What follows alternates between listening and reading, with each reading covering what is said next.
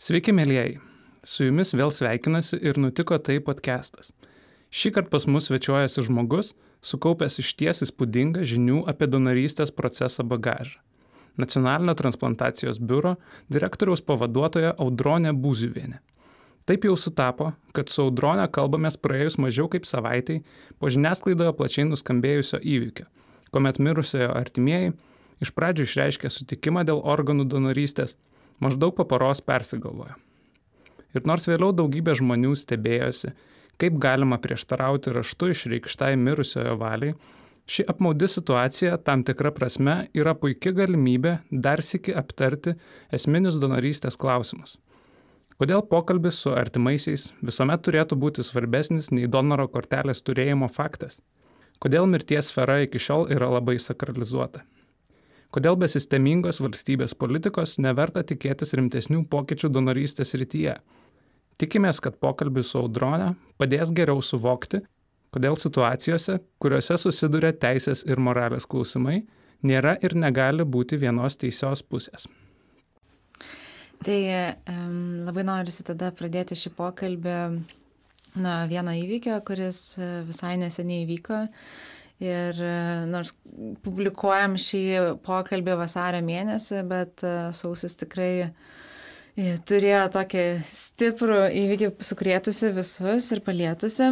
Tai mm, Facebook'e viena moteris pasidalino savo istoriją, kaip ji buvo iškviesta inksto transplantacijai ir po to jau po gydytojų konsiliumo sužinojo, kad jai ne tik jai, bet ir kitiems netransplantuos, nes artimieji atsisako, e, o donoras kaip ir turėjo kortelę donoro ir prieš tai artimieji buvo kaip ir sutikę, bet po paros persigalvojo ir būtent jau, kai buvo jau recipientai, buvo pasakyta šitą informaciją. Kaip apskritai matot šią situaciją, priemėt?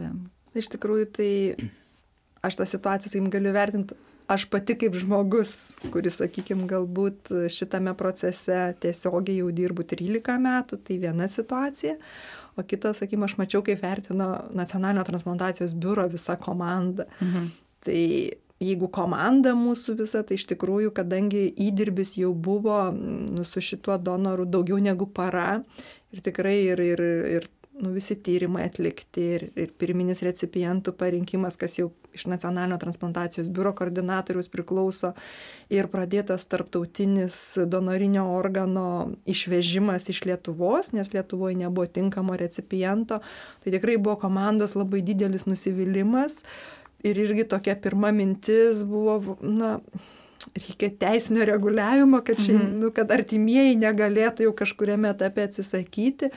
Mm, nes, na, atrodo, iš tikrųjų jau tiko ir, ir viskas, ir tas įdirbis, ir, nu, va, toksai nusivylimas, nu kaip.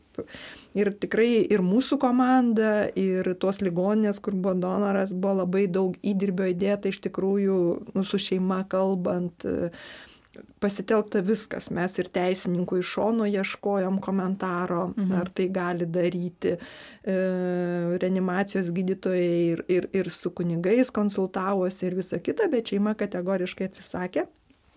Tai iš tikrųjų, na, mm, remiantis kaip aš savo komandai tuo metu irgi sakiau, nes, na, vakare irgi jau po darbo kažkaip aš juos at, norėjau palaikyti, sakiau, aš jūs tikrai suprantu, kaip, kaip komanda, aš jį suprantu, bet dabar primkim, atsistokim į tų žmonių turbūt vietą, kurie atsisako ir, ir pagalvokim, kad reiškia ten gavosi nu, labai vyresni tėvai, reiškia jie neteko sunaus, mm, iš pradžių lyg ir sutikimą arba pritarimą davė sesuo, matyt, paskui tėvai tik vieto sužinojo.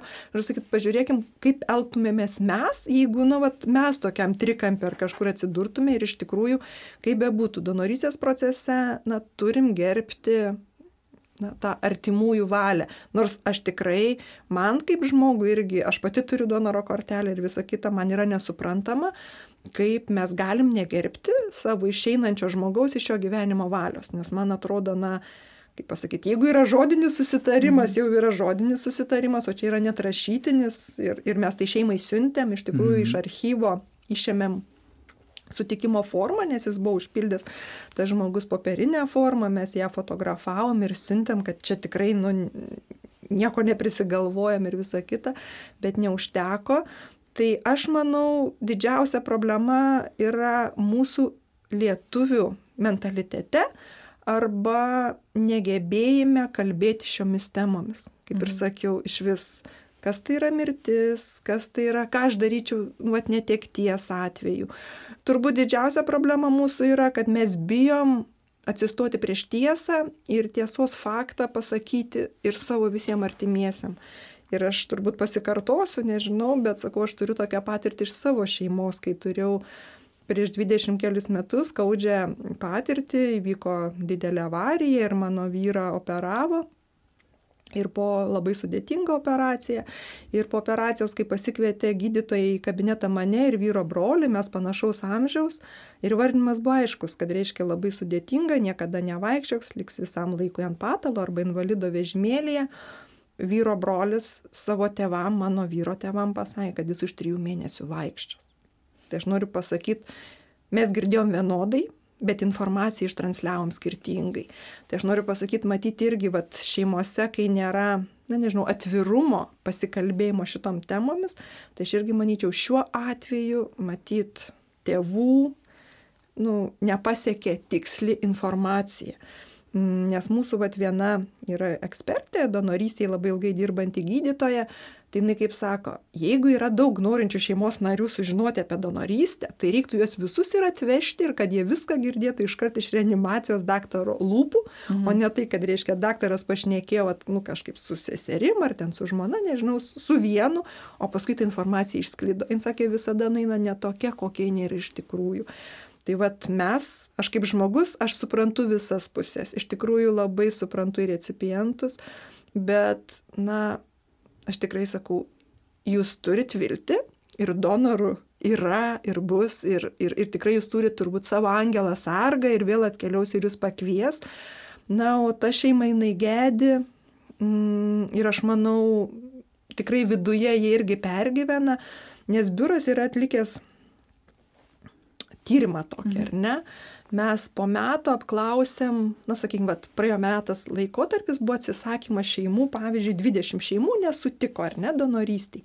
Praėjus metui laiko e, mūsų gydytojai skambino ir klausė, kaip to šeimos pasielgtų dabar. Aha. Tai, va, reiškia, iš tų, sakykime, nu ten buvo daugiau, ne 20, buvo 30 kelios šeimos apklaustos, tai pusė jų po metų jie pasakytų taip donorystį.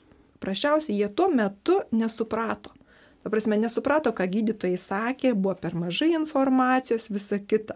Ir jie gailisi, kad jie to nepadarė. Kita pusė reiškia, mhm. nu, dar iš tos likusios pusės elgtųsi taip pat, ne, nesutiktų, o kita taip ir liko dvėjojanti, nes, nu, jie, pavyzdžiui, nepasitikė medicina, turi kažkokių šiaip nemalonių, ta prasme. Tai va, aš noriu pasakyti, iš tikrųjų, mm, aš recipientam šitiem linkiu stiprybės ir tikrai, na, linkiu visiems kalbėtis. Aha, o tai galbūt čia ir yra e, dalis problemos, kad, tarkim, kaip suprantu, nemažai žmonių net nelabai nori girdėti apie donorystės temą, kol patys kažkaip asmeniškai ar per pažįstamus, per draugus nesusiduria su tuo. Mm, iš tikrųjų, tarsi atsi, atrodo, kad yra toks įsivaizdavimas, kad jeigu nekalbėsi apie mirtį, tai tu ją kažkaip nutolinsi, galbūt tu ją kažkaip užkalbėsi, nežinau, ir, ir, ir tas mirties mistifikavimas toks labai iš tikrųjų, ko gero, apsunkina visą situaciją. Galų gale, vėlgi, galbūt reikėtų pradėti ir nuo nežinau, nuo mažumės kažkaip šviesti Taip. žmonės, sakykime, mokyklose kalbėti apie tai, nes uh, Vėlgi, jeigu tėvai apie tai patys neužsimins niekada, tai iš kur ir tam na, jaunam augančiam žmogui tarsi sužinoti apie tai. Bet aš dar galvoju, pažiūrėjau, iš asmeninės vėl patirties.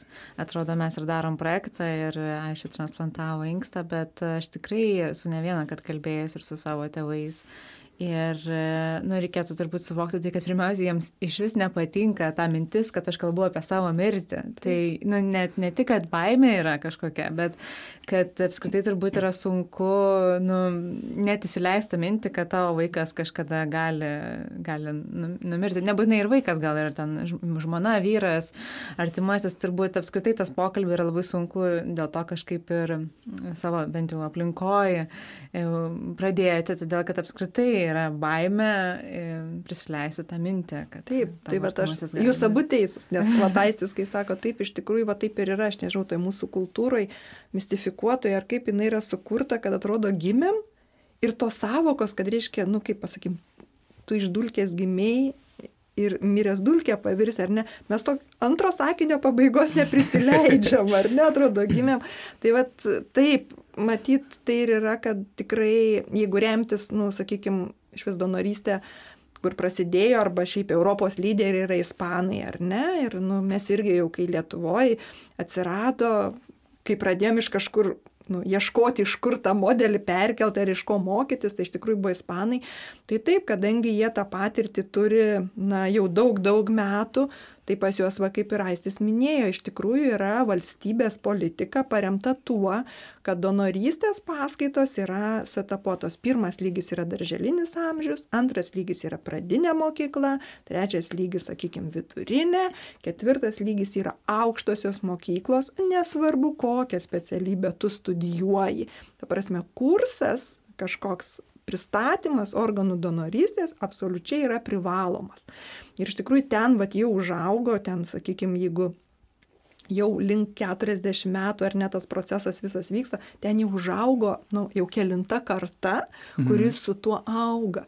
Ir ten baimės jau nebėra patiems žmonėm, o gydytojai irgi užaugo kelinta karta.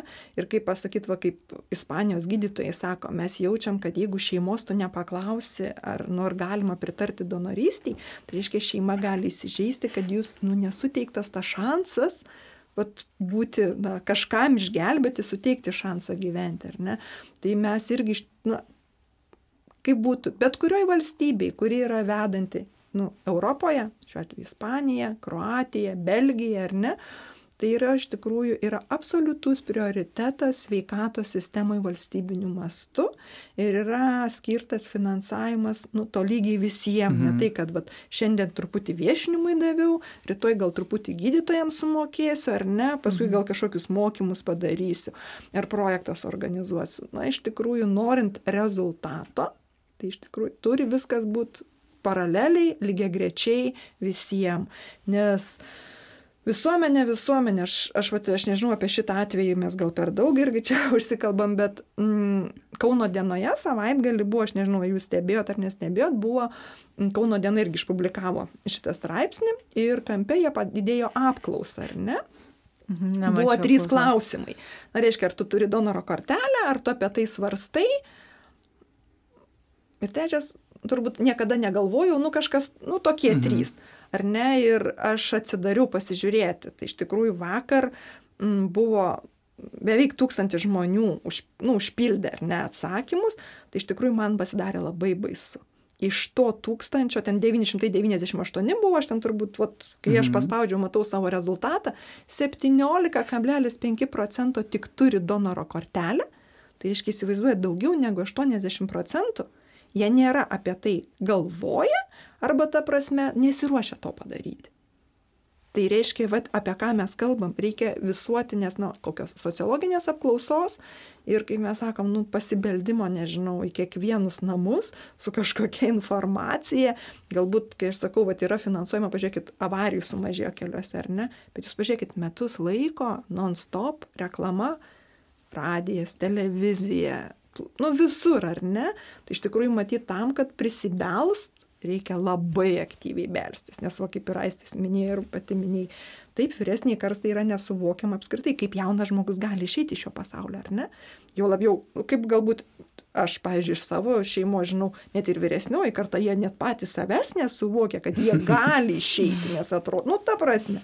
Tai vad, kai sakiau, tokio, nu, Manau, taip reikia dėstyti, nežinau, etikos pamokos kažkokios, biologijos, nu kažkaip, kad naujų programų ar naujo požiūrio, kad nu, mes esam visi dėje mirtingi šitoj žemėje. Ir išeidami, kai aš sakau, dabar jau galim gal atsiras naujų dalykų, pažiūrėkim, nu, kad aš išeinu iš šio pasaulio ir kad pasaulis būtų švaresnis, tai gal irgi, žiūrėkime, ekologiją ir visa kita, urna, kuri iš kurio medis išauga, dar kažkas ar ne, o ne didžiulis užimtas plotas, mhm. dar mhm. kažkas. Tai vat, tokių turbūt inovatyvių reikia perėjimų prie visų. Man tik e, kažkaip atrodo, kad šitas įvykis gal... Mm, kaip čia turi vieną teigiamą pusę, kad e, daug žmonių galbūt pagaliau įsisamino, kad tikrai reikia ne tik e, turėti donoro kortelę, jeigu pritari donorystėje, bet ir pasikalbėti su artimaisiais, nes kai ir su draugais kalbė, ar, nežinau, pristatai idėją, ar mūsų projektą, tai visada toksai, nu bet tai kam tą, tą, tą, tą pokalbį turėti? Vis taigi aš turiu donoro kortelę ir, ir kaip jau išsakiau tą savo valią. Tai man atrodo, šitas įvykis, nu kaip ir labai gerai, nu, Taip, sakyti, blogąją gal prasme iš tiesų, bet arba tokia skaudžiaja gal labiau, bet vis tiek parodo, kad net ir turėjimas donoro kortelės e, nereiškia, kad tu tikrai, jei galėsi po mirties, būsi donoras. Taip, iš tikrųjų, kai sakiau, mes ir vat, mūsų transliacija ar mūsų žinutė po šito įvykio nacionalinio transplantacijos biuro, kad taip tikrai kviečiame visus pasikalbėti. Nes, na, bet kuriuo atveju, aš tikrai visada manau, iš dešimt turbūt, nu tikrai garantuoju, kokie devyni žinodami mano valią, nu turėtų sutikti, nes testamentugi neužprotestuoja tūkstančiais, ar ne, mhm. kiek yra parašyta. Tai šiuo atveju vėl, prasme, yra žmonėm turbūt paprasčiau. Kai visai nežino apie tai nebuvo kalbėta, matyti irgi kažkoks tuo metu ištinka nerealus šokas ir nesupratimas, iš kur, kaip ir kas su čiuo, kas čia darosi. Tai taip, ir visoje šitoje situacijoje iš tikrųjų, kaip sakykime, vat, tikrai gimė diskusija, kad reikia kalbėti. Vienas dalykas, o kitas dalykas, vis tiek pritarenčių donorystėje tikrai padaugėjo, donoro kortelių skaičius per vieną parą yra virš šimto, kai, sakykime, šiaip statistiškai per parą yra apie dešimt, ar ne, užpildoma, mhm. tai elektroniniu būdu. Iš tikrųjų yra nu, labai vis tiek, kaip bebūtų, reiškia, mhm. diskusija kilo, visi pasikalbėjo ir vis tiek, na, reiškia, mes priimam na, sprendimą, kad mes už donorystę, tai dar ir pasikalbėkime apie tai. Žodžiu, tai visiems pasirašiusiems, praaišku, jaunimas labai mėgsta daug ką daryti internetu ir apsipirkinėti ir taip toliau, bet... Praktiškai reklama išeina.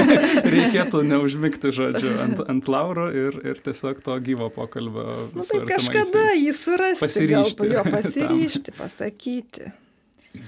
Bet gal dar tada jau į pabaigą, nu, aptariant šitą įvykį, kažkaip vis tiek dar norisi paliesti tai, mes turbūt ir prieš pokalbį apie tai kalbėjom, labai sujaudino tas momentas, kad, kad, kad jau procesas buvo visas įsibėgėjęs ir kad jis buvo sustabdytas, kai, kai buvo iškviesti recipientai, kai buvo pradėti tyrimai, kai gydytojai iš Šveicarijos ir atvažiavo.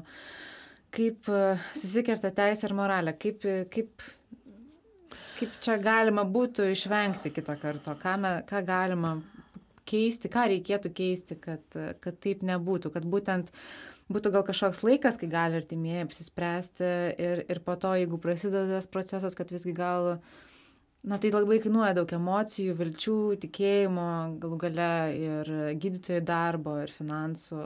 Tai toks Aš manau, dabar bus svarstomi visi variantai. Iš tikrųjų mhm. ir tas teisinis dalykas, ar tikrai gali būti kažkuriame taške ar ne.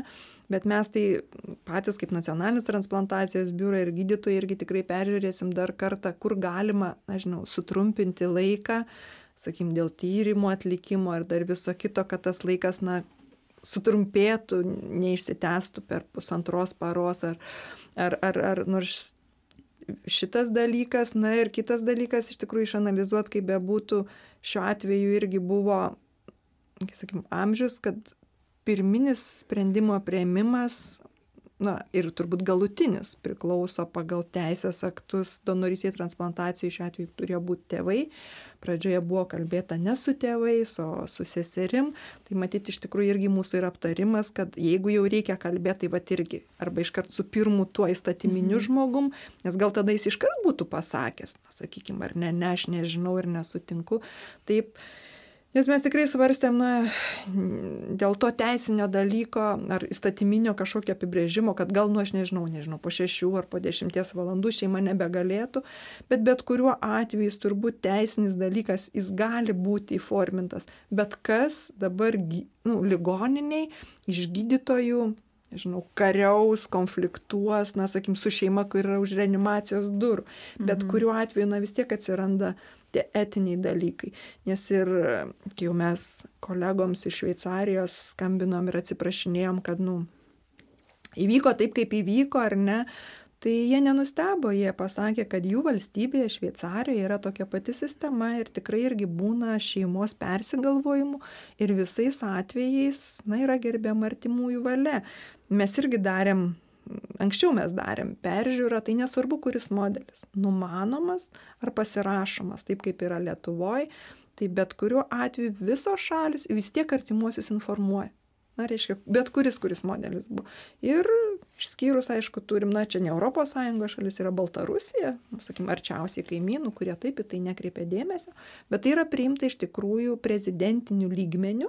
Mhm. Ten yra toks atvejis buvęs Baltarusijoje, kai, sakykim, vat, paėmė organus, o šeima paėmė ir apskundė, kad reiškia, mhm. jie, vat, jie nebuvo informuoti, nes ten yra, sakykim, numanomas, ar ne, Baltarusijai reiktų užpildyti nesutikimą, jeigu nesutinki. Tai jie kreipėsi į teismą ir buvo išėjo labai aiškus išaiškinimas, kad valstybei yra didesnė nauda, reiškia, išgelbėti septynias gyvybės, nei, sakykime, suprasti vienos šeimos skausmą netekus jiem vieno artimojo. Ir viskas. Daugiau šitas klausimas gydytojai yra ramus, kad jie visada bus apginti, ar ne? Na, Lietuvoje, pažiūrėkit, dabar vaikšto, nežinau, chirurgą jau inicijuoja mhm. su baudžiama, tai, tai kas čia prisims atsakomybę. Iš tikrųjų, mes matom labai baisų dalyką kažkaip dėl to, jeigu teisinis atsirastų labai griežtas, mes, sakim, labai bijom tada, ar neatsirastų demotivacija reanimacijos gydytojų. Mhm. Nes, pavyzdžiui, nedaug dievė faktas, ar ne, va, iškyla, kad, sakim, taip, reanimacijos daktaras, visus galim, va, nusprendžiam, kad už tiek valandų nebegali sustabdyti. Ir jis to proceso nestabdo, aš nežinau, iškviečia apsaugą, išstato artimuosius už durų, bet po to, va, jam, pavyzdžiui, šeima vis tiek iškelia ieškinį. Ir procesas vyksta. Teisingai jį gal, ap, nu, jį apgins, jo nenubaus, bet procesas vyksta pusę metų, metus. Aš noriu pasakyti, tai ar kiti gydytojai vėl auko savo laiką, savo, nežinau, kompetenciją tam, matydami kažkokį, koks gali gimti pavyzdys. Iš tikrųjų, va čia labai reikia mhm. to svarstymo visuotino, nes, kai sakiau, šitam procese yra trys dalykai. Gydytojas, kuris konstatuoja smegenų mirtį ir tiesiogiai su ta šeima bendrauja. Tada taip recipientas, na ir visuomenė. Tai vat turbūt mums reikia daug, daug informacijos visiems ištransliuoti, kad visi tai suprastume ir priimtume ir kad kitą kartą sudėtume taškus, vat, pokalbiui, dar kažkam, kad tokių situacijų būtų kuo mažiau. Žodžiu, paprastai tariant, dažniausiai stengiamasi, kad na, pirmiausia, artimieji turbūt liktų patenkinti, taip, kad, kad nereikėtų kažkaip konfrontuoti su jais. Ir aišku, siekiama, na, tos, tos tokio, kiek įmanoma, aišku, palankesnio sprendimo jų, tačiau, na, suprantama, kad toli gražu ne visada tą pavyksta pasiekti.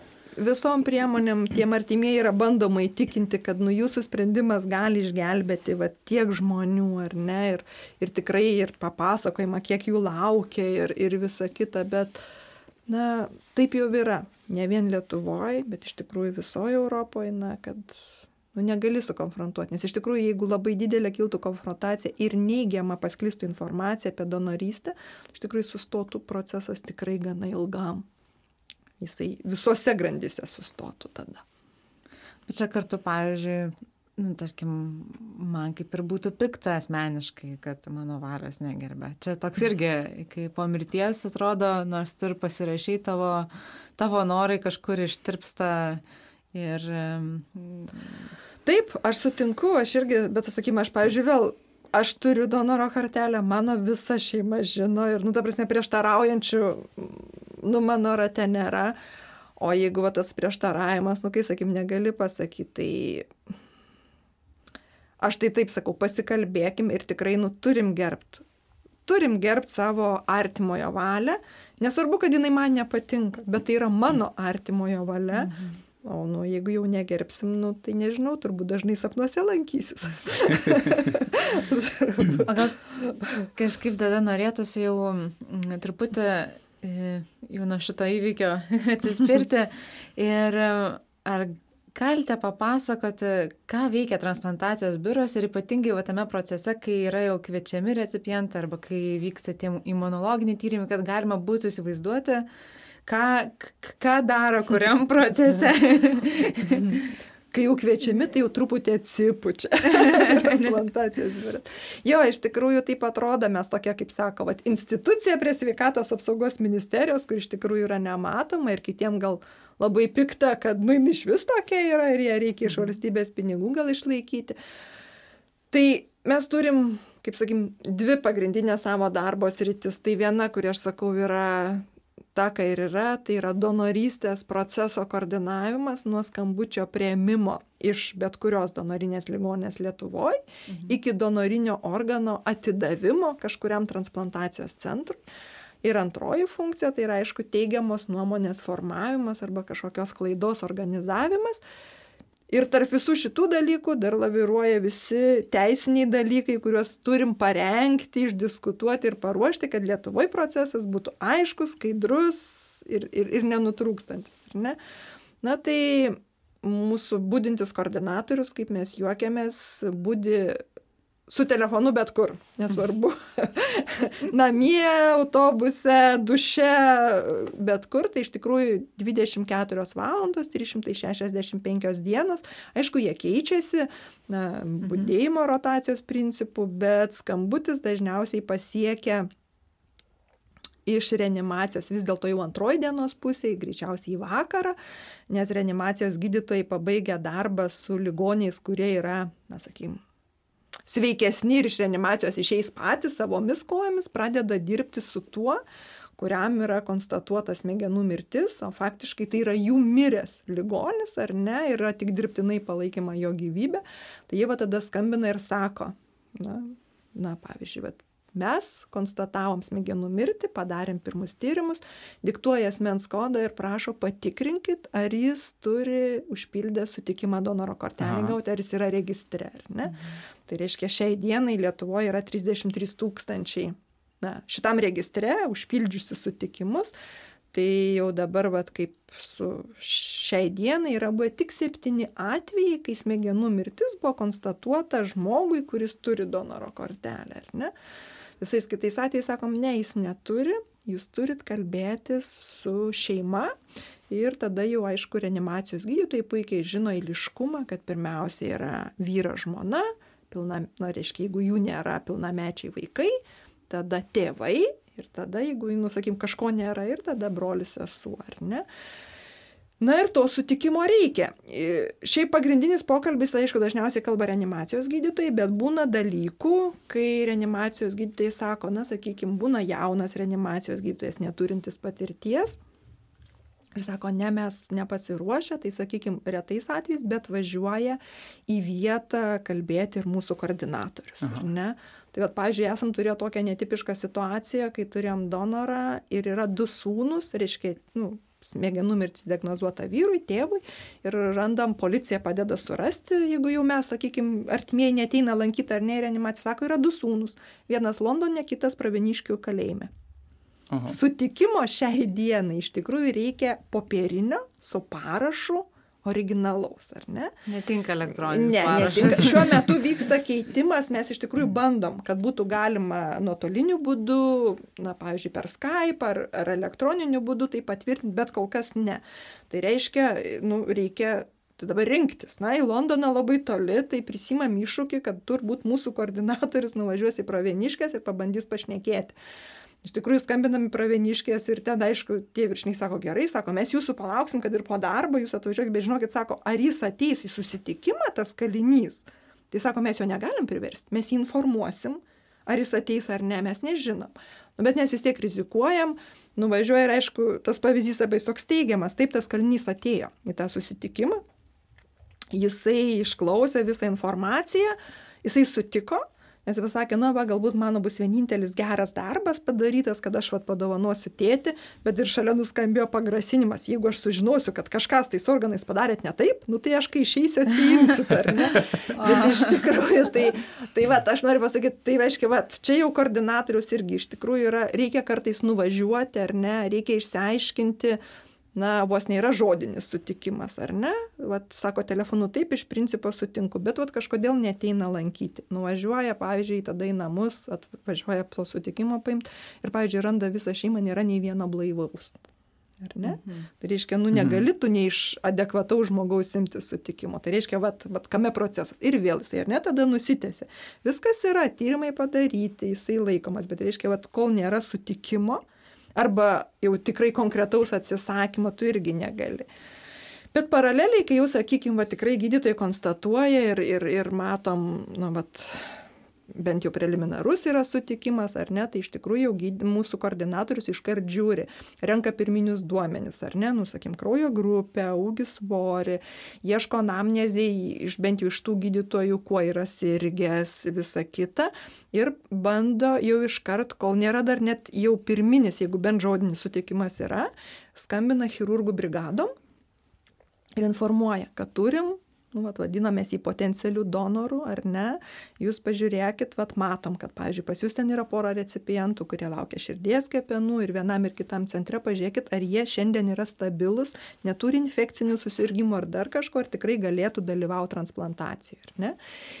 Ir jau kai tikrai yra sutikimas šeimos, tada važiuojam kraujo mėginių ir kraujo mėginiai važiuoja į dvi laboratorijas išvežioja mūsų koordinatorius, reiškia imunologinė laboratorija ir į virusologinę. Virusologiniai būtinas ištyrimas ten visi živ, AIDS, mhm. dabar vat, iš Kinijos kažkokios lygos nerealios mhm. atkeliauja, reiškia iš tikrųjų to, kad apsaugot. Ir procesas ištyrimo va šitų jau tyrimų irgi užtrunka nuo keturių, jeigu reikia pakartotinio, gali užtrukti iki dešimt valandų ar ne.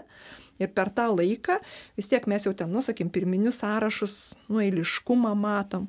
Mm, jeigu chirurgai iškart pasako, kad, na, pavyzdžiui, na, nes nėra recipiento, kuriam tiktų širdis ar kepenis, tai reiškia, mes jau, sakykim, tą pirminį siūlymą teikiam kolegom užsieniui per platformą Eurotransplant ar panašiai, nes jau yra toks žodinis sutarimas Lietuvoje ir šiaip visose nu, ES valstybėse, kad jeigu šeima pasakė taip, neturiu savo šalyje recipiento, bet kuriuo atveju negalim prarasti organų, siūlom vieni kitiems.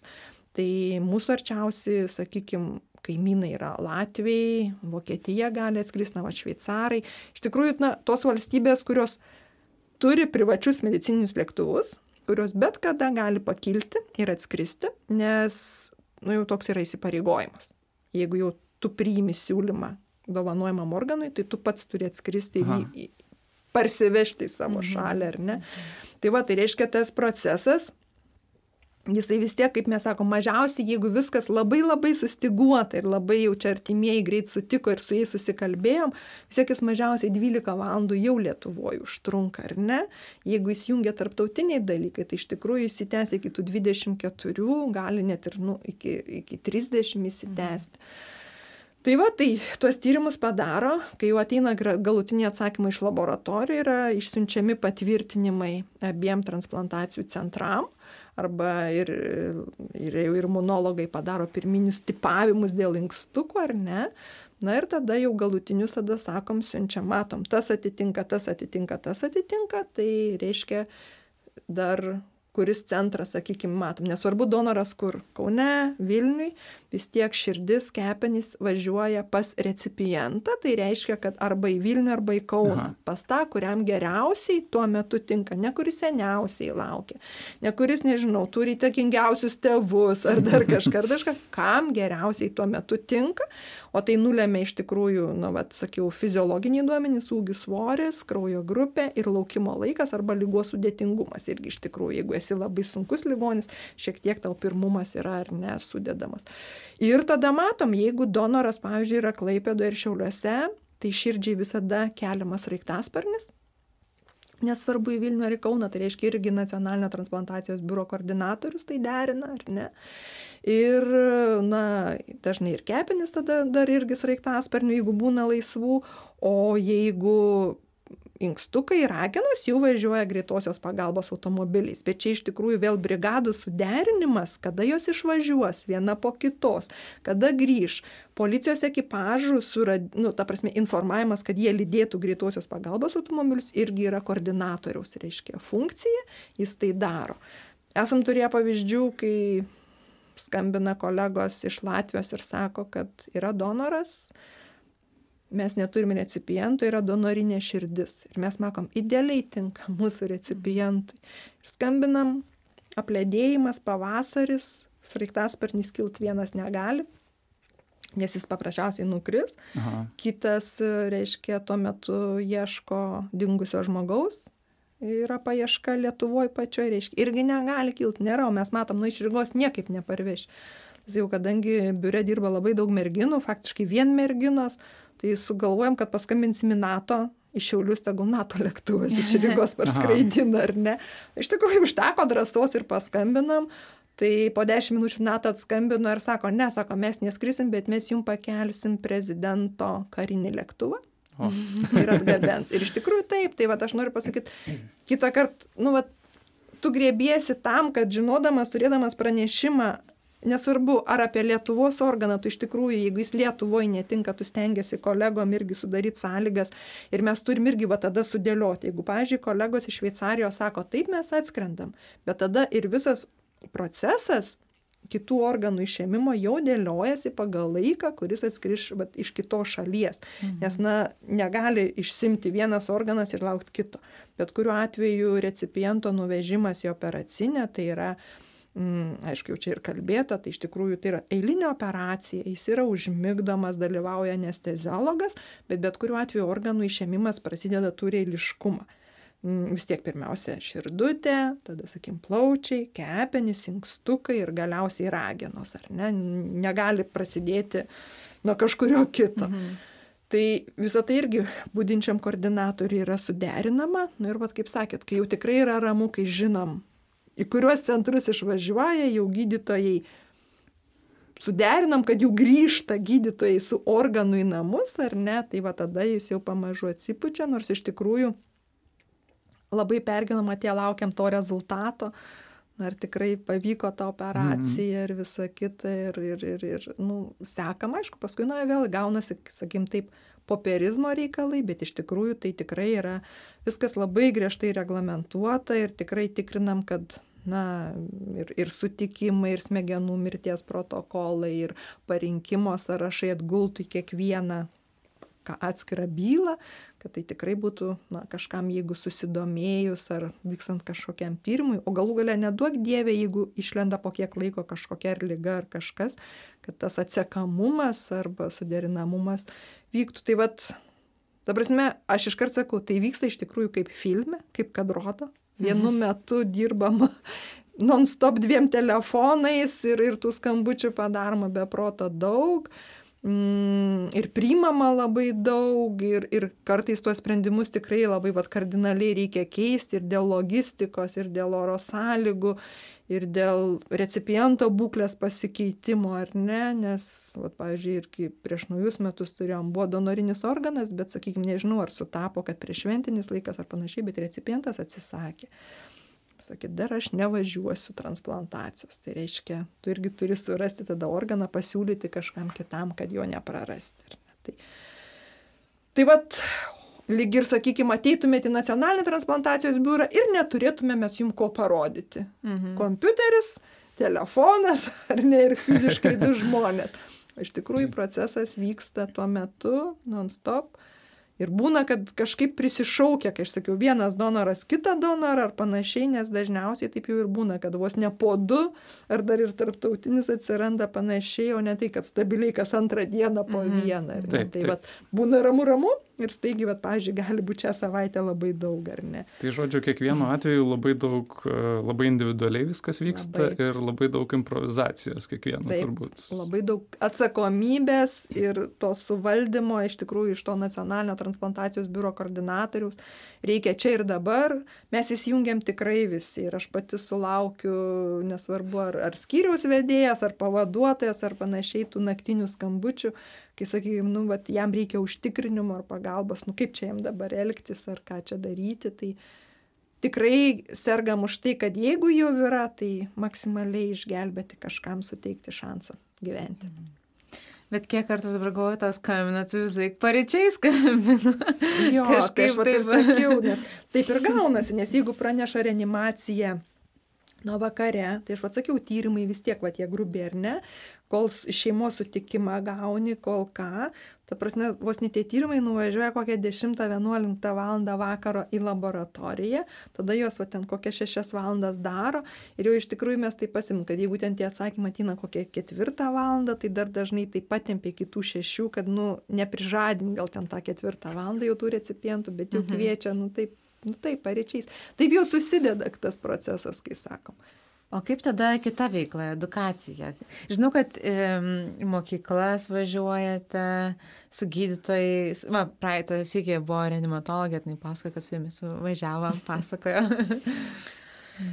Tikrųjų, tai ta edukacija ir tų minčių, ir galbūt idėjų būtų daugiau, bet e, darom, ką darom, nes taip jau yra, kad mes turim etatus žmonėms, dirbantiems, sakim, galintiems dirbti su edukacija, bet šalia to, kad sukurti kažkokį produktą, ar ne, tai finansavimo jo nėra skiriama. Tai reiškia, tai ir ieškom arba rėmėjų, arba na, kažkokių pagalbininkų, viso kito. Tai, na, šiaip tai iš tikrųjų mūsų ir yra paskaitos mokykloms, yra pora žmonių, kur važiuojam ir skaitom, na, tokį, sakykim, populiariausia amžiaus grupė tai yra, tai, sakykim, nu, devintokai, dvyliktokai, nu, šita kategorija jau didesni, bet jau žiūrim pamažu mokytojai. Mes turime, aišku, tokius aktyvius mokytus, kurie, na, sakykim, tam matyt pritarė ir jie mhm. vieni per kitus kviečia.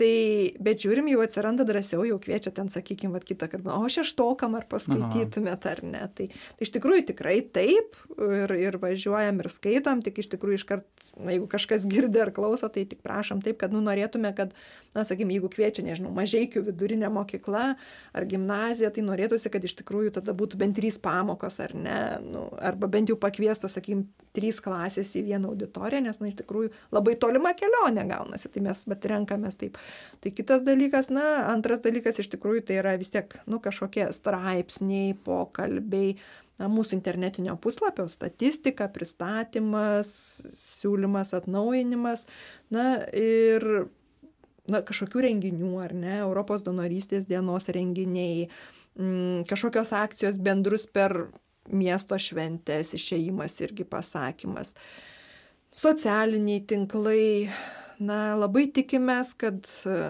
nuo 21 metų um, ta darbo grupė, kur dabar yra sudaryta prie prezidentūros dėl mm. donorystės aktyvinimo, mm. vis dėlto baigiam parengti atskirą priemonių planą, bus atskiras, sakykime, viešinimui. Iš tikrųjų, kad nu, bus atkreiptas dėmesys ir, ir ten, sakykime, mes norim na, tokią kaip minti, kad laiškas į kiekvienus namus, kad tu gali pritarti donorystė, ar ne.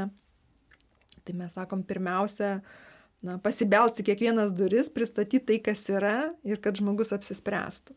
Tada iš tikrųjų yra minčių, kad vis dėlto inicijuoti plačią diskusiją, nu, pirmiausia, sociologinę apklausą, paskui irgi diskusiją, turbūt ir dėl donorystės modelio pačio keitimo, bet pirmiausia, reikia išdiskutuoti stengiamės taip pat ir tuos, va, kaip minėjot, gydytojus kažkaip mokyti, nes turim keletą specialistų, kurie yra mokėsi Ispanijoje, praėję kursus, na, va, ten visą kitą. Nes gydytojai išvažiuoti iš savo darbo vietos yra labai sunku, tai praėjusiais metais mes važiavom, inicijam į vietas, ar ne, į aštuonis regionus, jiems skaitėm paskaitas, na mes tikimės, kad tas atgalinis ryšys po praėjusių metų paskaitų gal šiemet sugrįž, gal kai sakiau, nu, nors po vieną donorą daugiau jau iš tikrųjų ar nepadidėtų.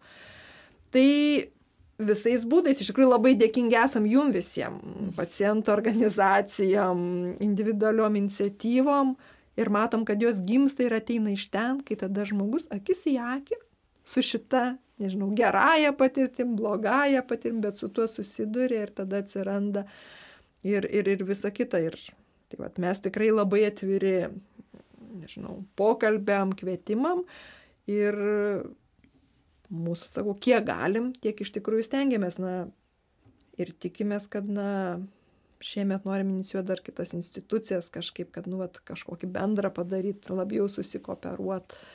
Nu, kad labiau išgirstų, nes iš tikrųjų mes gaunamės, mūsų idėja mums patiems atrodo labai svarbi ir jum labai svarbi, bet kiti vat, yra galvoja, kad visiems labai tik savo idėja svarbi.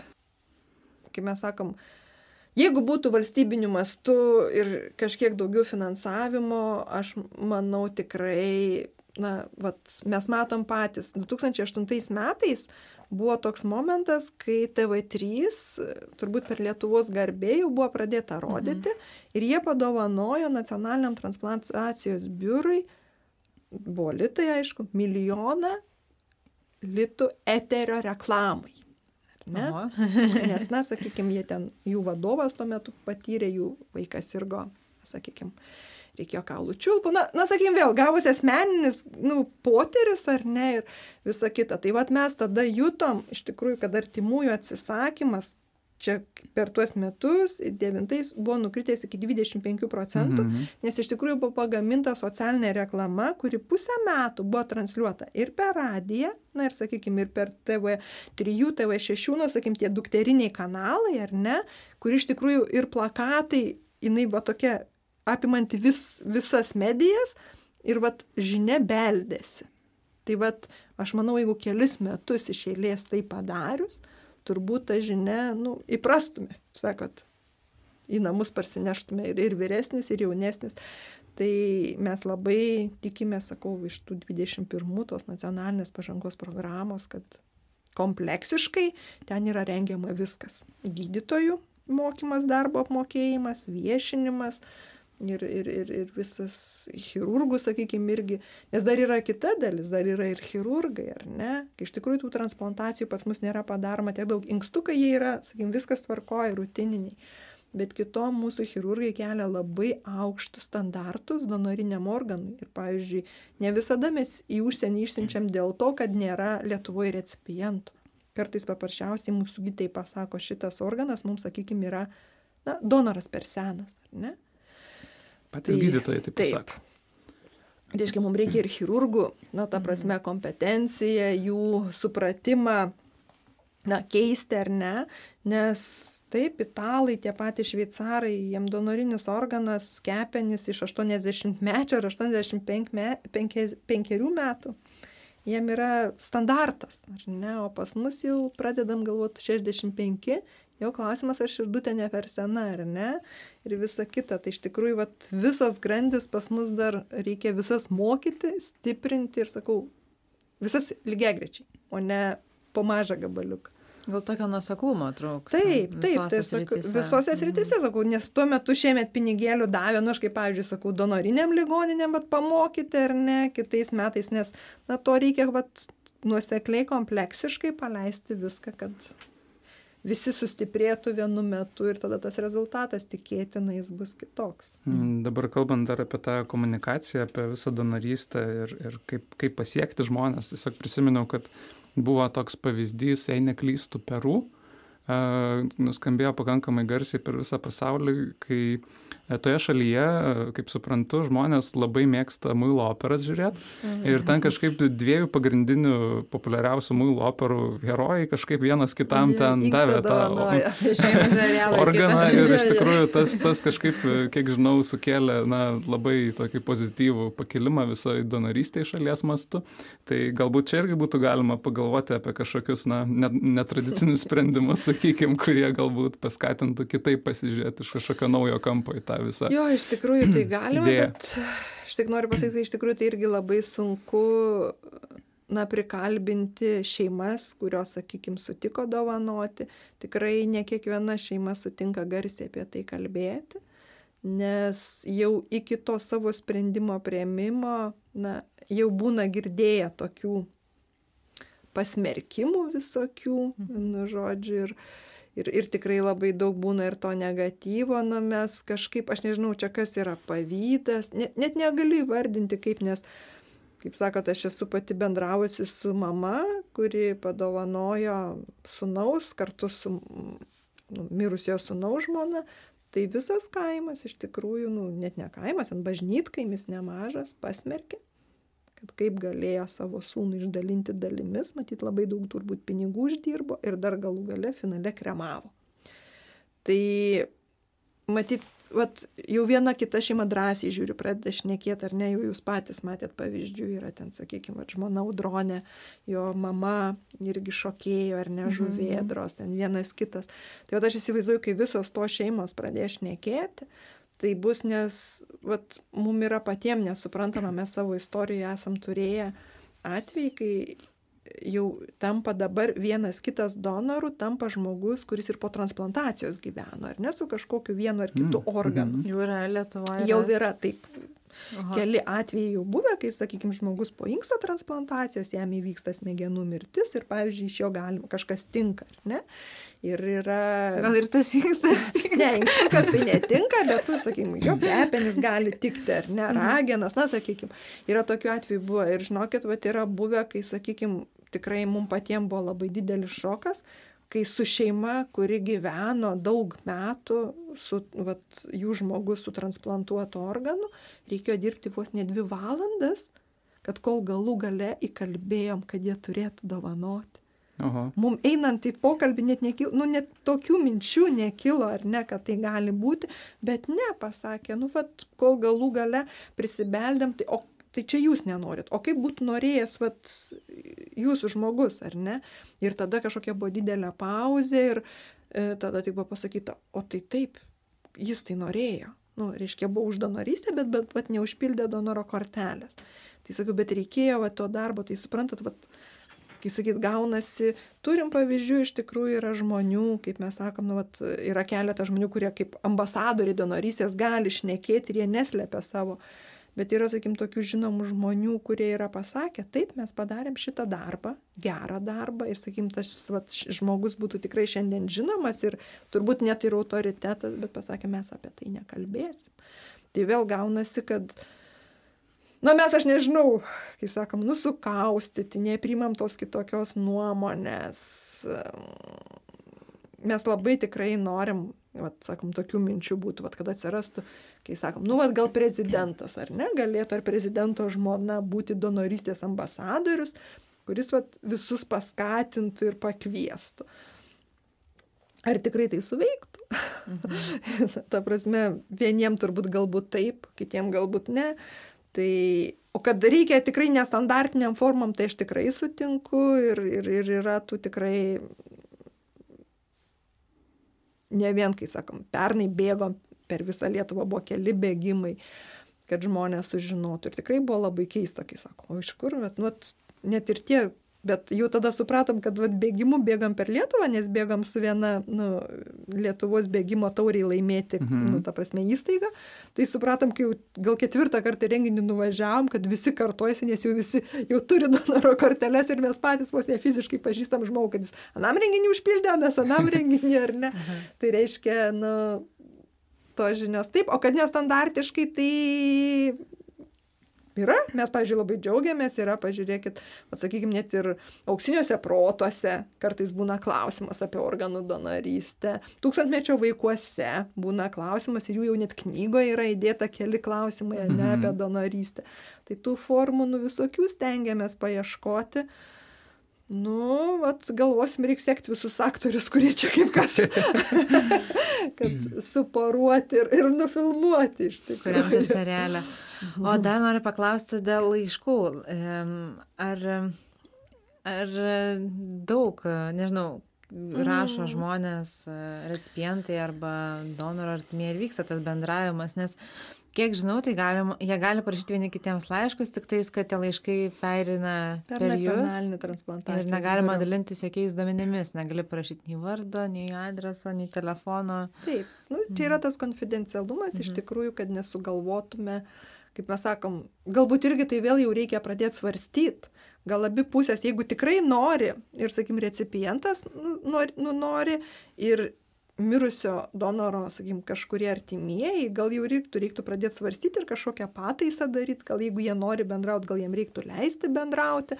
Bet šita nuostata iš tikrųjų Europoje yra visuose ES šalise, kad, na, kol kas tai yra konfidencialu, nes, na, stengiantis išvengti to, kad Gal donoro šeima gali sugalvoti paprašyti atlygio iš recipiento, nes, pavyzdžiui, gal jisai dabar gerai, nu, gerai jausdamas, jis turi gerą darbą ir neblogai gyvena, o, sakykime, jų šeima gal, na, sakykime, skurdžiau gyvena, ar ne? Mhm to dalyko vienas, o kitas dalykas, na, iš tikrųjų yra apsaugot nuo to psichologinio turbūt spaudimo ir mhm. bendravimo, kad, na, gal ne kiekviena nor, mirusio šeima nori naujų, nežinau, nu, netikrų ar kraujo giminaičių, kaip čia juos mhm. pavadinti, ar ne. Tai tas dėl to yra konfidencialu, Amerikoje tai jie bendrauja, tai yra oficialiai leidžiama. Na, tų laiškų, kaip pasakyti. Dažniausiai iš tikrųjų pirmiausia rašo recipientas, sakykim, padėkodamas dažniausiai šeimai. E, dažniausiai tai yra, kai yra jaunas, na, jaunesnio amžiaus, arba ypač jeigu vaikas, tai tada jau ta šeima taip jaučia tokį, nežinau, kaip, nu, turbūt įsipareigojimą ar kaip padėką jau tai šeimai parašyti, kaip jie auga, kaip jie jaučiasi. Mhm Mm, yra kur šeimos, pavyzdžiui, rašo, kad mes, vad sakykime, atsimindami, na, vis tiek žino lytį, ar ne, iš ko vyro, moters gavo, tai vad atsimindami jūsų sūnų pasodinom metį, jo mhm. garbė ir, vad, nu, kad užperkam mhm. mišes. Na, tai tų laiškų taip gal per metus aš bijau pasakyti, nu, iki dešimt ar nebūna. Būna yra iš tikrųjų, kad galbūt ir mirusio donoro šeima parašo mum biurui, kad jie norėtų sužinoti, kaip kas, Tai mes tada bandom tokį laišką persiųsti, na, sakykim, suradę tiem recipientam nuosmeninimą. Mm, vat kaip Dovilė pasakojo, tais metais, kai mes važiavom, gydytoja Dovilė, ar ne, mm. kai važiavom per Lietuvą, mes visur vežėmės, na, po recipientą ir tiem gydytojams parodyti, mm. nes reanimacijos gydytojas jisgi nemato, kam mm. dirba, ar ne. Tai Vilniui buvo paskutinis baigiamasis tas mūsų toks susitikimas ir mes e, surinkom į vieną vietą sakykim, vieno donoro visus, sakykim, recipientus, ar ne? Tai reiškia, jie yra, buvo taip du inkstukai, dvi ragenos, kepenis ir širdis. Tai, jie žinojo apie tai? Ne, jie nežinojo. Ir jie, ta prasme, jie kai visi susitiko, ir jinai vis tiek jau paskui pradėjo šnekėtis, na, reiškia, taip, taip. Ir mes žiūrim, žiūrim vieno, reiškia, ten gavosi, kai juokėmės taip, e, šeši broliai ir viena sesuo kraujo. Na, mhm. reiškia, nes, nu, ne visi atvyko, jų buvo mažiau, nes vienas pasakė, kad jis, šiaip jie visi sėkmingai gyvena ir jau jie ten deš, virš dešimt metų tais organais visi gyvena. Ir tik paskui kažkuriam vienam, kada tau darė? Ir tada tik suprato, kad jie visi yra Mm, tai vat jų buvo pats tas irgi nuostaba, kai jie sakė, nu, kad jie, kaip sakėm, vieno kraujo ar ne yra. Tai va irgi įdomu, jie visi gyvena, bet, sakykime, vienas pasakė, taip aš gyvenu, ačiū, esu dėkingas, bet aš tikrai apie tai nenoriu niekam pasakoti, ar ne, ir, ir kitas. Tai va, turbūt gydytojam reanimacijos, tai va, yra didžiausias tas ir yra, kai jie mato, va, kaip jų darbas yra nematomas ir neaišku, dėl ko jie dirba. Galų gal ir nacionalinio transplantacijos biuro koordinatoriai. Mes irgi tiesiogiai ligonio nematom. Mes tik tai gaunam sąrašus, nu, net ne koordinatorius, pas mus gauna, nu, sakim, specialistai, kurie dirba su sąrašais ir atnaujina juos recipientų, mes jų irgi nematom. Mes tik matom, na ką, vardą, pavardę, lygos istoriją, galų galia paskui nei vardo ir pavardės nebematom, tik koduotą ar ne sistemą. Tai vad, kai tu juos pamatai po to, Tai iš tikrųjų yra irgi ir mum patiem labai mhm. smagu. Smagiausia tai yra turbūt visiems, nesvarbu ar reanimacijos gydytojam, ar biuro gydytojam, tai yra vaikai, kai, sakykime, jis laukia donorinės širdutės būdamas, nežinau, pusės metų, aštuonių mėnesių ir šiandien jam jau yra, sakykime, penki metai, septyni metai, jis išeina į mokyklą. Tai Dabar vat, yra viena šeima, kuriam donorinė širdutė atskraidinta iš Rygos, keli metai praėjo, tai ta šeima nori nuvažiuoti lakūnams, būtent į, į dalinį padėkoti, pasirodyti su, su vaiku, kaip jis užaugo ir, ir, ir nu, kaip tas grįžtamasis ryšys, kad įvyktų.